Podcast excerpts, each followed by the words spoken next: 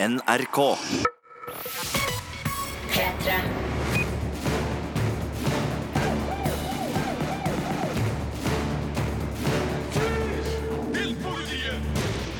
Og ja da, vi er brilleklare for to timer med film, spill og serier her på P3. Det vil si, i dag blir det lite spill, men det blir serie, Sigurd Vik. Å ja da, The Juice, den nye HBO-serien om pornoindustriens oppblomstring i New York på 70-tallet, stappfull av soulmusikk og herlige skuespillere. Ja takk. Marte Hedenstad, vi skal også se på nyheter fra filmverdenen. Ja, altså, Hva er det som skjer med Lucas film og Star Wars-universet? De driver jo og kaster ut regissører i hytt og pine. Det må vi snakke om. Eh, og så må vi også snakke om at det har jo kommet en ny Snømannen-trailer. Det er spennende. Og så er det jo Thelma, da, som blir Norges Oscar-kandidat. Så det blir spennende. Jeg heter Birger Vestmo og har anmeldt eh, premierefilmene denne uka, nemlig It, The Beguiled, What Happened to Monday og Borg.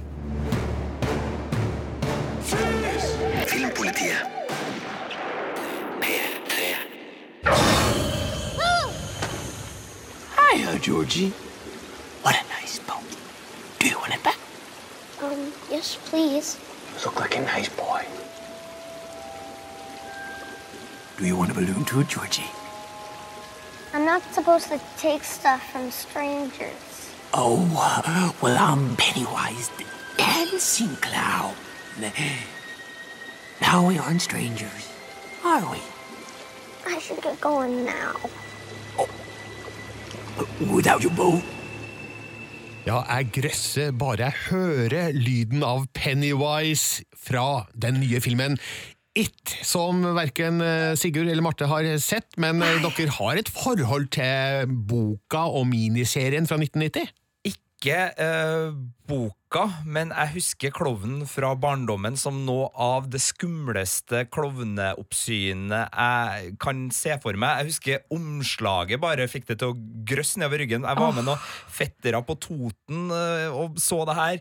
Dårlig idé, altså altfor ung. Det er ikke ofte jeg tenker at søren, den var jeg for ung til å se. Men den var for ung til å se. jeg har samme opplevelse som deg, og, og da jeg fikk høre at det skulle komme en remake av Hvitt, så tenkte jeg nei, den skal jeg ikke se! Jeg skal aldri se den filmen! It ain't gonna happen! Ok, Så, ja. Eh, jeg har jo da ikke et forhold til It fra før, verken lest boka eller sett miniserien, så det her var første gang da for min del, og jeg likte virkelig det jeg så. Fordi det her er ikke bare en veldig skummel film, den er også veldig morsom på den måten spesielt horrorfilmene på 1980-tallet kunne være begge deler på en gang.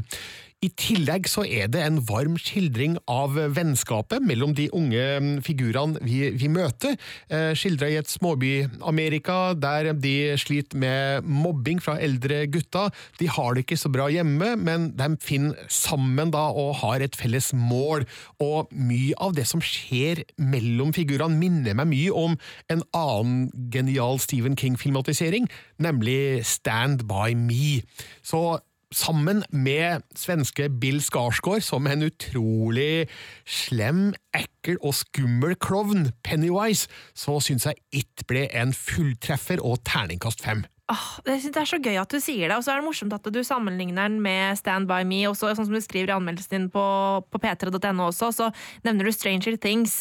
Og det gjør at eh, jeg får liksom litt lyst til å se den likevel, selv om jeg jeg, vet, altså jeg har jo ikke lyst til å se den, fordi jeg blir, så, jeg blir så redd, og jeg blir jo redd sånn lenge etterpå også. Ja. Men, men eh, du er ganske overbevist der. Ja, altså, altså, det, det eh, filmen gjør, er jo det samme som Duffer-brødrene gjorde i Stranger Things, nemlig hente velkjente, velbrukte og velfungerende elementer fra spesielt av 80-tallsfilmen, og, og gir det da nytt liv i en eh, moderne filmatisering.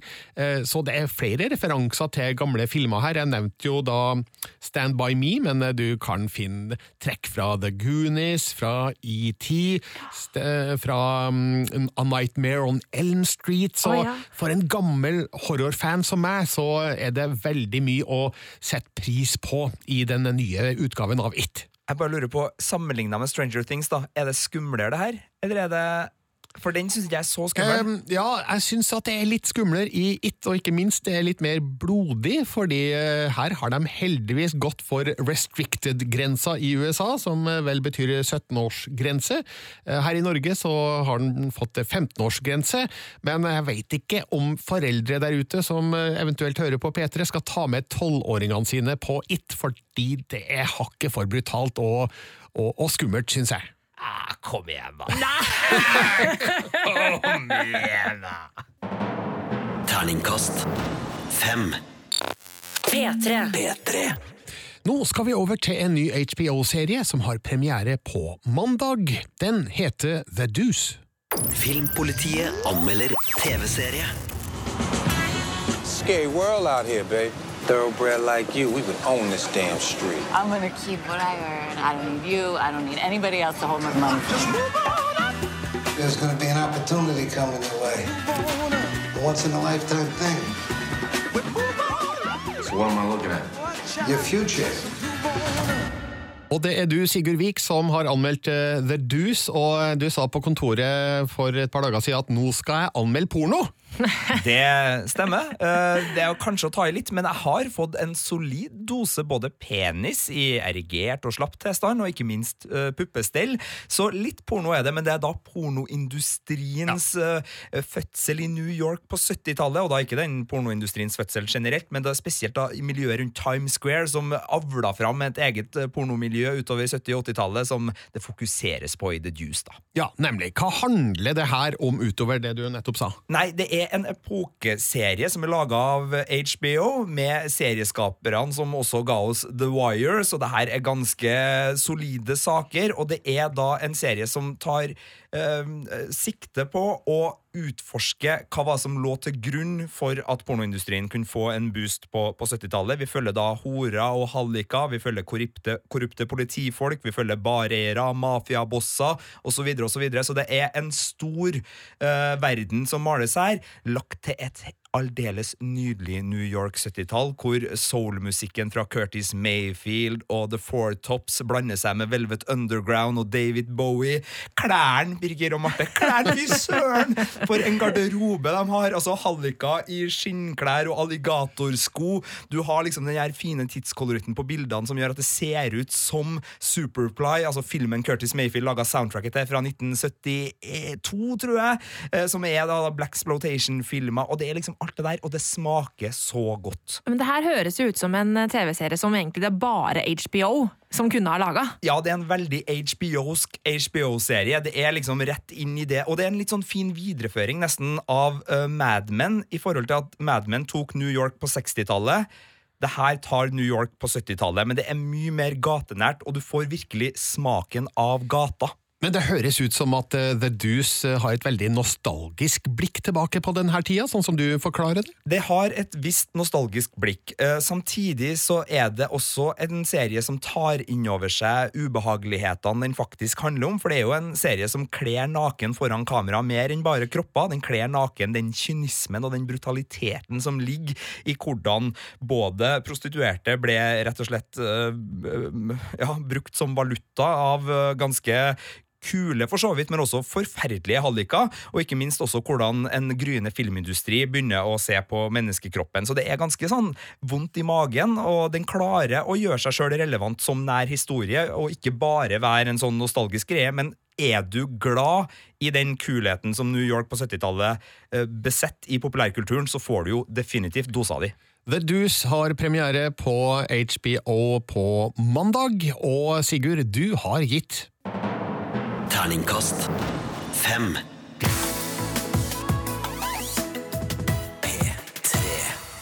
Nå skal det handle om noe vi er veldig glad i å snakke om her i Filmpolitiet, nemlig, eh, Marte Vi skal snakke om Star Wars. Ja. vi har snakka om det et par ganger før, vi, men eh, i det siste så har det jo vært litt mye styr rundt Lucasfilm og hvordan de eh, rett og slett eh, forvalter regissørene for eh, dette filmuniverset. Ja, For hva har skjedd tidligere, Sigurd? Nei, De sparker jo regissører som om de tar av seg på føttene. Altså, Det er jo vilt. Altså, Først så var det vel Josh Trank som fikk sparken fra registolen på en uh, udefinert uh, spin-off som kanskje skulle handle om Bubba Fett, uh, men den hadde ikke begynt å filme ennå. Altså det, det, var på en måte, det var det første, og da tenkte jeg sånn, ok, kanskje det var noe, noe der. Det var kanskje noe snakk om noen personlige årsaker. Det det skjedde vel også pga. rykter om dårlig stemning på settet til Fantastic Four, Ja. som jo Ja. viste seg å være en krisefilm. Ja, og det var noe tvitring og noe greier som ble sletta og litt forskjellig. Så ok, der tenkte vi bare ok. Vi skjønner hvorfor de kasta ut han, tenker jeg da. Mm. Så røyk Phil Lord og Christopher Miller rett ut av uh, den uh, filmen som nå er i produksjon. Og det var litt mer uh, interessant, for det var jo ganske langt ute i produksjonen. Veldig langt ute i produksjonen, ja, faktisk. og, men det var et eller annet med at det var noe med den humoren og litt sånn snappigheten som ikke ble likt, så vidt jeg har forstått. Visstnok så gjorde de litt for mye improvisering, som manusforfatter Lawrence Castan, som er en Star Wars-veteran, mm. ikke satte pris på, og til slutt så ble de rett og slett sparka, og inn fra høyre kom en superveteran. Ron Howard. Uh, så altså, der, men jeg må bare si en liten ting, for det her er jo han solofilmen vi snakker om nå. Jeg Mm. har hørt at de visstnok uh, Det her er bare rykte, men han skulle visstnok ha vært litt for lik Ace Ventura. Ja, Oi, oi, oi. Altså, De laga han solo litt for lik Ace Ventura, i- ifølge ryktene. Denne uka kom jo da en ny sjokknyhet. Colin Trevorrow, som skulle regissere den neste Star Wars-filmen, Mm. altså episode ni. ja. Og nå har- snakker vi Ja, nå, nå, nå snakker vi 2019 Star Wars-filmen. Yep. Har fått fyken. Ja. Ja, og nå er vi i Skywalker-sagaen. Nå er det ikke snakk om spin-off-filmer heller. Nå er vi inne i store, altså indrefileten av Star Wars-universet. eh, Innspillingen skulle begynne i januar, eh, men nå er det da så det, det blir jo lagt frem veldig sånn diplomatisk. Da, at de, ja, de hadde ikke samme visjon for filmen, og sånn, og derfor velger de å gå hver til sitt. Ja. Men det er jo sånn som man pleier å pakke inn ting med. Det ryktes at han har levert et manus som Lucasfilm skal ha synes var for mørkt, Mm. uten at vi kjenner sannhetsgehalten i det her. Men en del av årsaken kan vel også være at Colin Trevorrows eh, siste film, The Book of Henry, har blitt universelt slakta, og rett og slett blitt en eh, stor fiasko.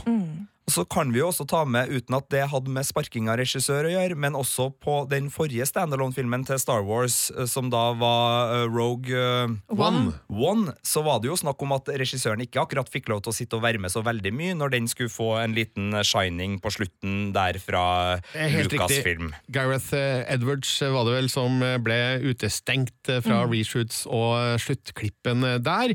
Så hva gjør Lucasfilm nå?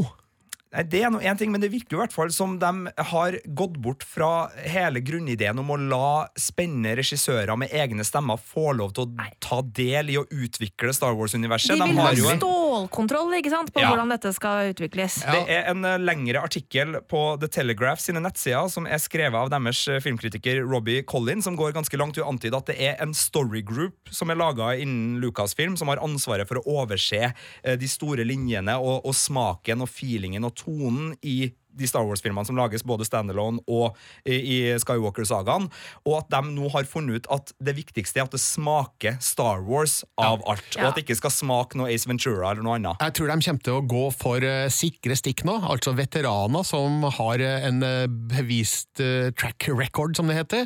Bare se på hvilken av Star Wars-filmene er regna som den beste. Jo, Empire Strikes Back, regissert av veteran Irvin Keshner. Så nå er det Ron Howard som har fått ansvaret for Hans Han Solo-filmen. Jeg er sikker på at den som får eh, jobben med å regissere Star Wars episode 9, kommer til å være et kjent navn som har vært med en stund.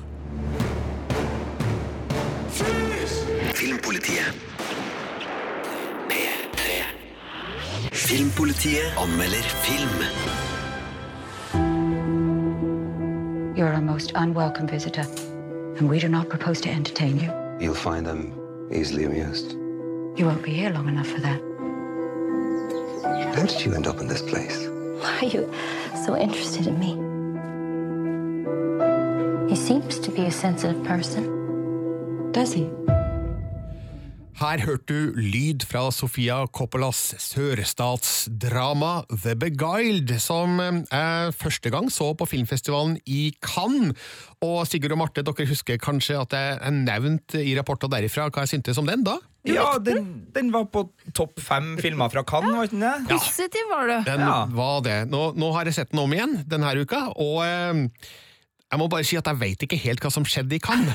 Eh, mulig jeg var, Var det for mye champagne? Nei, eh, ja, ja, det var det sikkert. Men jeg var kanskje grepet av en slags festivalrus, eller hva, Ja. fordi den andre gangen jeg så den, så var den langt ifra så god som jeg huska at den eh, var. Det er jo et sørstatsdrama basert på en roman som også ble filmatisert i 1971, da med Clint Eastwood i den mannlige hovedrollen som Colin Farrell har nå. Det handler om en skole for unge kvinner i Louisiana midt under eh, den amerikanske borgerkrigen. Eh, De tar inn da en skadd nordstatssoldat, gir han eh, pleie. Han er ikke særlig ivrig etter å bli frisk for å dra tilbake til frontlinja, og sette i gang et psykologisk spill da mot de unge jentene og de voksne lærerne på skolen, blant annet spilt av Nicole Kidman og Kirsten Dunst, for å sikre at han får lov til å bli der. Og så eskalerer det med intriger, og eh, ja, det, det skjer ting mot eh, slutten. Men jeg kjeda meg så innmari mye den andre gangen jeg så filmen. Åh, Ja, men du visste jo hvordan det, hvordan det Ja, slutta. ja, Ja, jeg gjorde jo det, men det, nå, nå skjønte jeg at ja, men det her er jo ikke spennende. Det er jo et stivbeint, tilknappa og kjedelig drama som varer i bare 93 minutter, men føles omtrent dobbelt så lang. Så jeg har rett og slett vært nødt, vært nødt til å gå tilbake på det jeg rapporterte fra Cannes, og innrømme at eh, jeg tok kanskje feil. Det, mm, er det ikke ofte sånn med dere når dere ser filmer om igjen, at det ikke nødvendigvis er den samme opplevelsen som den første gangen? Altså Av og til så hender det at man kan bli litt revet med. Eh, og spesielt hvis det er eh, altså Ofte så sitter jo vi og ser eh, en film i et eh, ensomt eh, kino, en ensom kinosal, men hvis det er som du sier, da, at du ser den, og så er det god stemning, og så er det masse folk, og så er det liksom sånn Det er bra! Så blir man kanskje litt revet med, da. Jeg vet ikke. Kan tenkes. Ja, jeg har gjort noen sånne greier, og det er ofte på skrekkfilmer. Og det tror jeg rett og slett er for at der er ikke like bra å se øh, den en gang til hvis den ikke er god nok. Øh, Så det er mange Mm. skrekkfilmer jeg har øh, delt ut både firere og kanskje høyere til, som på andre gjennomsyn ikke har gitt den samme opplevelsen. Men jeg kan si noen pene ting om The Beguide også. Den er fantastisk flott fotografert. Altså, det er jo et digert eh, hus med masse søyler, sånn skik skikkelig sørstatsstil, midt inni en skau som er utrolig sånn trolsk, og eldgamle trær, og disen sig mellom dem, og det er nydelig fotografert, rett og slett. Og så er det jo flinke skuespillere. Jeg har stor respekt for både Colin Farrell og Kirsten Dunst, og ikke minst Nicole Kidman, men likevel. The Beguiled ble et kjedelig kostymedrama. Terningkast 3. P3. Her skal vi tilbake til premierefilmen The Beguiled, der en av rollene spilles av unge Elle Fanning, kjent fra filmer som Super 8 og The Neon Demon. I år spiller hun mot Nicole Kidman i to filmer, både i The Beguiled og How to Talk to Girls at Parties. Begge ble vist på filmfestivalen i Cannes i mai, og det var der jeg møtte Elle Fanning, som kunne fortelle at hun fikk veldig mange gode råd fra Nicole Kidman, som er et av hennes store forbilder. It was always a dream to work with Nicole Kidman. Like ever since I was little, it would be like if I could work with someone, it would be Nicole Kidman because I felt like she's tall like me. Like I felt like oh, like we're fellow. There's not many tall actresses. I mean, it's like a crazy thing. But also Moulin Rouge, I like love that movie. And At a press conference here in Cannes, she said that she loves giving advice to younger um, actresses. Mhm. So did you did you have class with her? yeah, you know, she did give me advice. She's um, she's someone I so respect her opinion on things and and she also she was like well you know you have to find find your tribe she said like find your support around you to make sure that people love you for the right reasons and that you're you feel you know because this is a crazy sometimes this can be a crazy business and and you have to know yourself. Also you have to know yourself before you can lose yourself in a character because but our job is to erase ourselves a little bit. And so you have to have your confidence of who you are to be able to do that. So she's it's a little bit about that. And also just keep doing movies. She was like just keep going. Like have as many as experiences of being different people as possible. You'll get wiser and learn more things. And um and that that's what it's all about. If you love it you know that's that's it Det var noen av rådene som Elle Fanning fikk fra veteranen Nicole Kidman under innspillinga av The Beguiled. Filmen har premiere i dag, og anmeldelsen min, som du hørte i sted, kan du også lese på p3.no filmpolitiet. P3. Filmpolitiet anmelder film. What's your name? Karen Sedna. Karen, do you have any siblings? No. Where the hell is she? What if Monday's hurt or dead? And the authorities find her before we do? We gotta help her. We gotta go out there. What Happened to Monday er denne nye filmen fra regissør Tommy Wirkola, som vi har stor sans for her i Filmpolitiet. Absolutt. Kill Buljo. Død snø. Eh, Hansel and Gretel. Vi likte den nå. Ja, det er Kurt mye, Josef mye Vagle. Ja. Ja, den, den, har ikke sett den ennå, det må jeg jo gjøre, for nå kommer jo oppfølgeren straks også, litt senere i høst.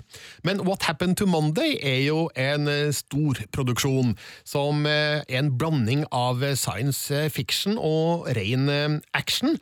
Det handler da om et eh, futuristisk eh, samfunn der eh, det er overbefolkning, så det er hell, og man har bare lov til å ha ett barn.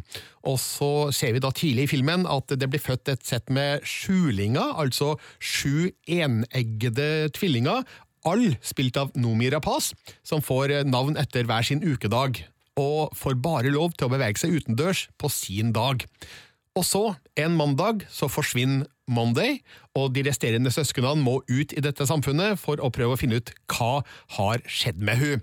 Og da setter de seg i skuddlinja for eh, ja, eh, myndigheter, eh, representert ved Glenn Close og Christian Rubik, som da er på jakt etter disse skjulingene, og gudene vet hva som skjer med dem da. Jeg tenker Glenn Close, og så ser jeg William Defoe er her Mm. og spiller far til disse skjulingene. Og Noomi Pass, det er eh, kule skuespillere ja, Tommy Wirkola har fått med seg her. Bare skyte inn at William Dafoe spiller deres bestefar. Bestefar. Men det er han da som eh, lærer dem opp i å holde seg skjult og gå ut med én felles eh, identitet, som gjør at de kan vandre rundt da uten at eh, de blir oppdaga. Veldig spennende konsept. Det er det, og nå kan man jo tro at eh, det kan gå an å gjøre veldig mye science fiction-aktig med denne tematikken. Nå eh, har nok Tommy Wirkola bare brukt det som en, eh, skal vi kalle det en unnskyldning, for å lage action, fordi det er filmen full av, og det er der filmen omtrent er best, fordi det, det tråkkes skikkelig hardt til i actionsekvensene, det spruter blod, og Noomi Rapaz hun slår virkelig fra seg, og um, jeg, får um, driv og energi av å, å se um, denne uh, filmen, What Happened to Monday, så det er bra. Jeg kjenner Den delen av meg som elsker sci-fi-filmer som Snowpiercer, den her Mm. togfilmen der et ett tog kjører rundt jorda og man skal slåss seg fra bakerste vogn til frammerste vogn, den blir begeistra når jeg ser trailer og plakat fra det her. Altså, jeg- jeg treffer den her nerven mellom dystopisk framtidsvisjon og action eh, bra. Ja, eh, altså Blade Runner-fan i meg kunne nok ønske at eh, samfunnet blir utforska enda dypere i What Happened to Monday, men eh, det er absolutt eh, en eh, beskrivelse av en mulig fremtid, eh, bare som bakgrunn for en, en skikkelig actionfylt historie. Terningkast fire. Filmpolitiet.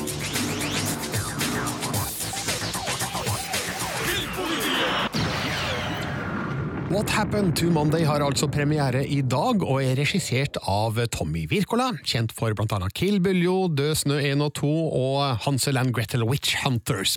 What Happened to Monday er en slags hybrid av action, drama og sci-fi, og det er noe han liker å lage. Jeg har bestandig likt å, blande ting og blande elementer, og jeg mener jo at man å kunne lage film som, som, eh, som har flere ting. Ikke bare, det, er ikke en, det er ikke en ren actionfilm, det er ikke en ren dramafilm, det er ikke en ren science fiction-film. Det er mange elementer i seg. Jeg har bestandig vært fan av eh, filmer som, som blander sånne ting, og får deg til å Ja, du, du kan flire samtidig som det er spennende, og samtidig som det er voldelig, og samtidig som du også er følelsesmessig involvert. Så det er jo det som er målet, da, å prøve å, å gjøre flere ting, da. Mange har blitt imponert over eh, Noomi Rapace sin tolkning av som du sier, syv forskjellige søstre. Hva syns du om hennes eh, prestasjon?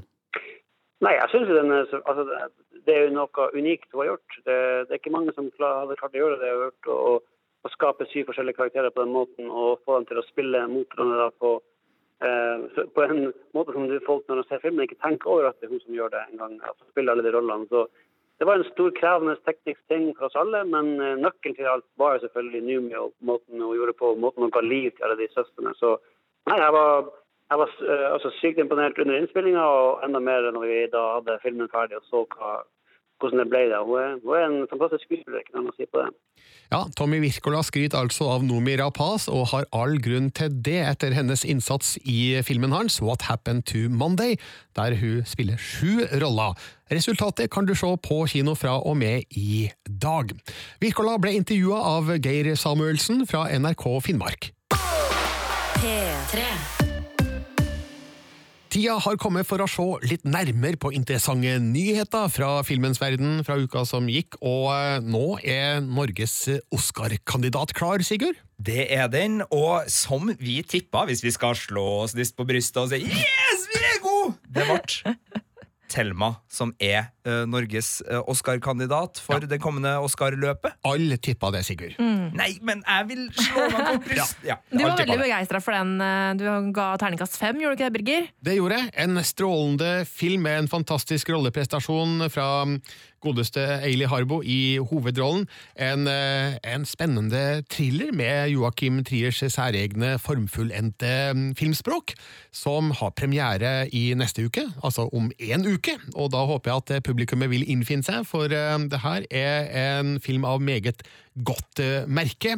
Den vises jo også nå på filmfestivalen i Toronto, og i eh, neste måned på filmfestivalen i New York.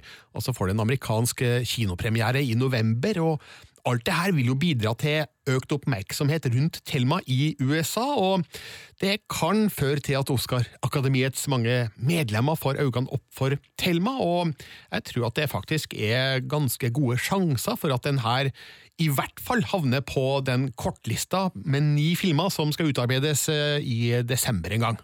Ah, det blir veldig spennende, altså. Absolutt. Vi kan jo bare håpe på en Oscar-nominasjon, og, og det endelige svaret på det får vi først i januar, da, når de fem nominerte blir offentliggjort. offentliggjort.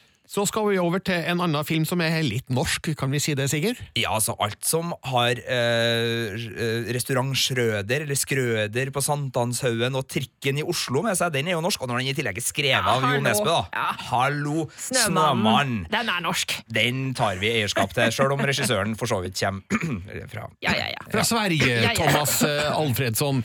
Den nye traileren ble sluppet på nett eh, denne uka, og ja, hva syns vi?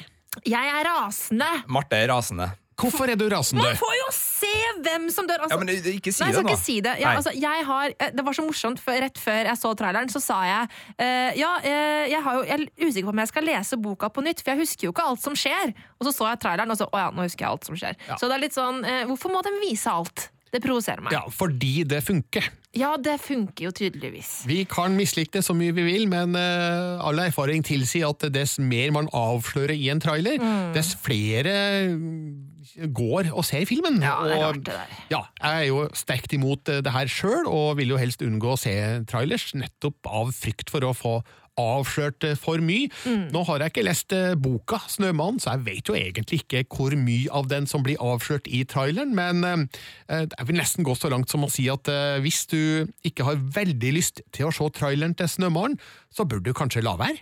Ja, jeg syns det, faktisk. Du kan eventuelt se den forrige traileren, for der var jo trailer nummer to.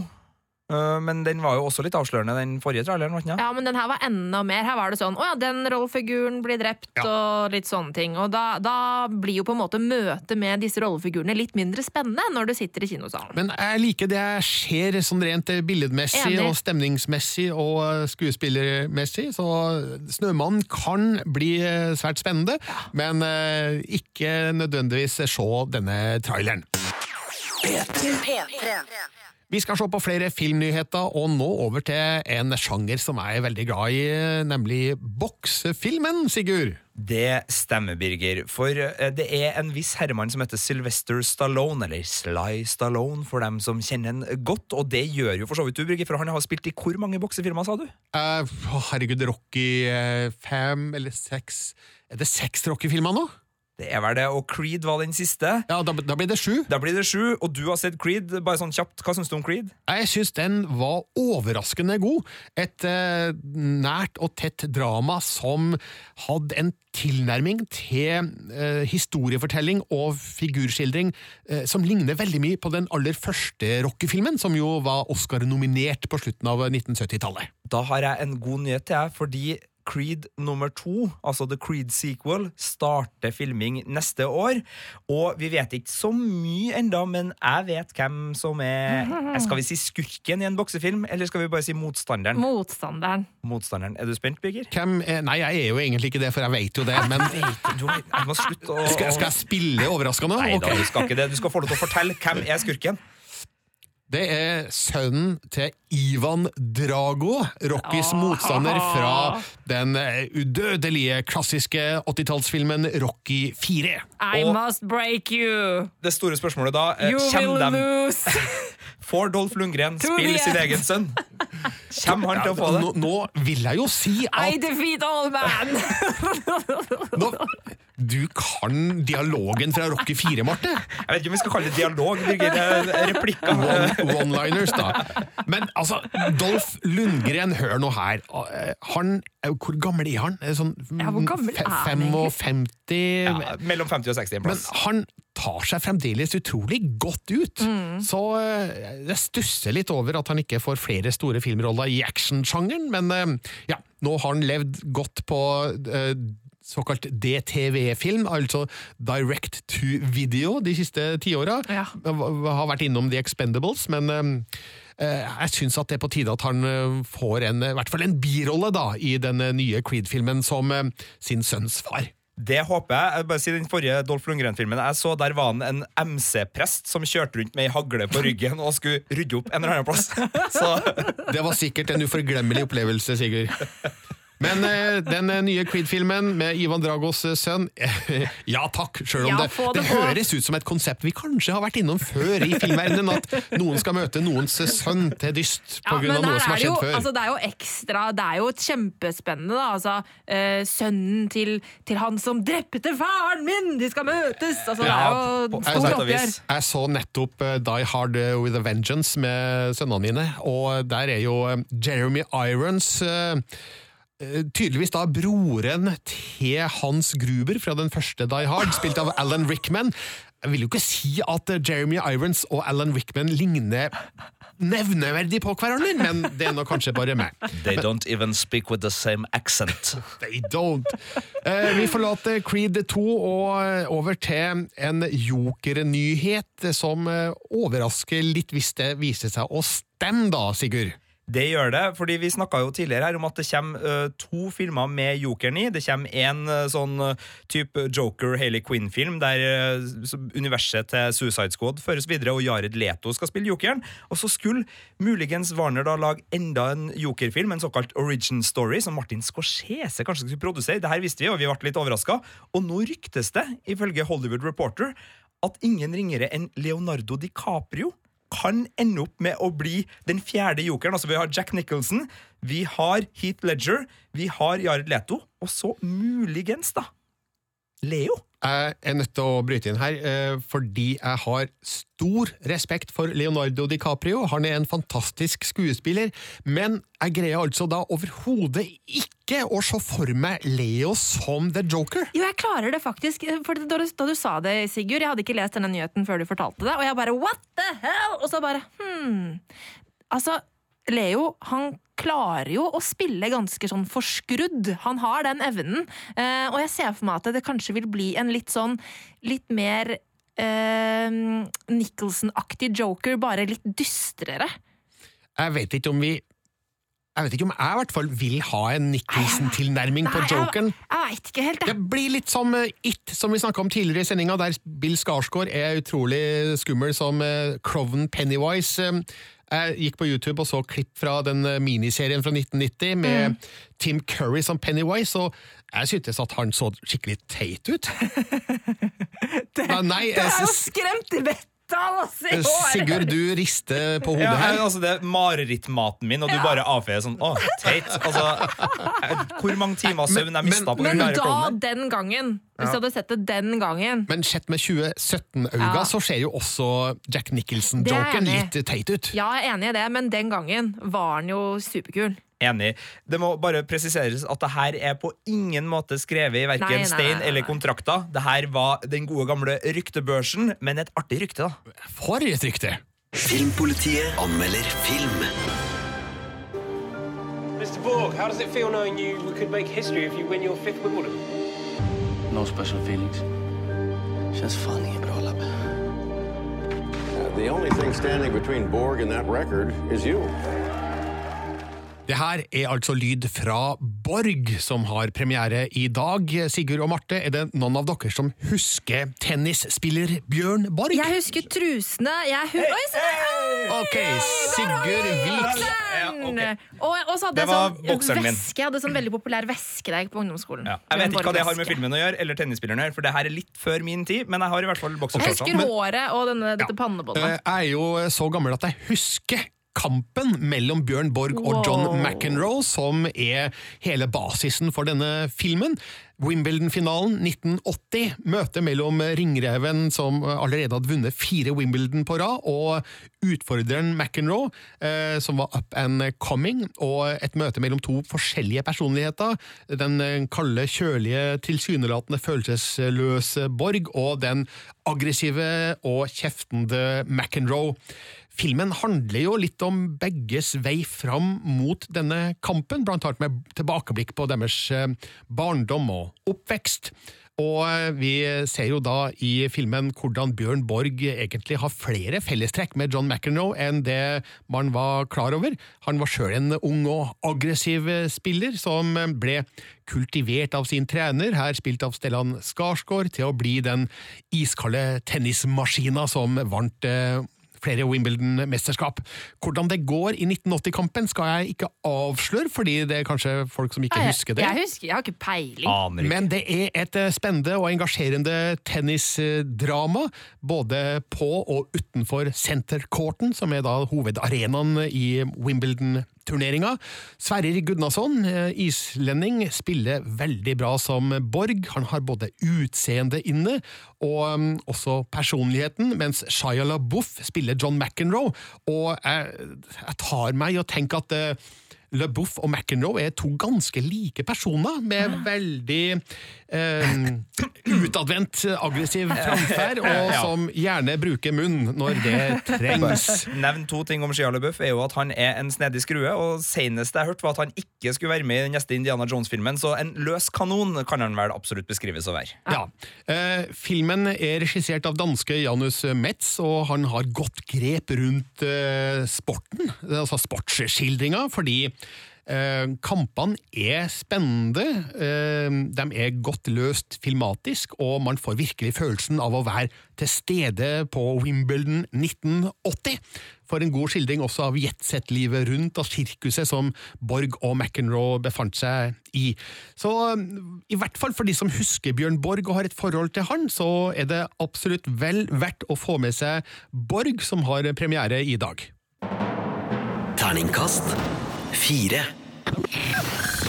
Les mer om film, spill og serier på p3.no Filmpolitiet. Du har hørt Filmpolitiet på P3. Vi er ved veis ende. I studio i dag så satt Marte Hedenstad. Sigurd Vik. og Birger Vestmo. Vi er tilbake om en uke, og da skal vi blant annet ta for oss Joakim Triers Oscar-kandidatfilm Thelma.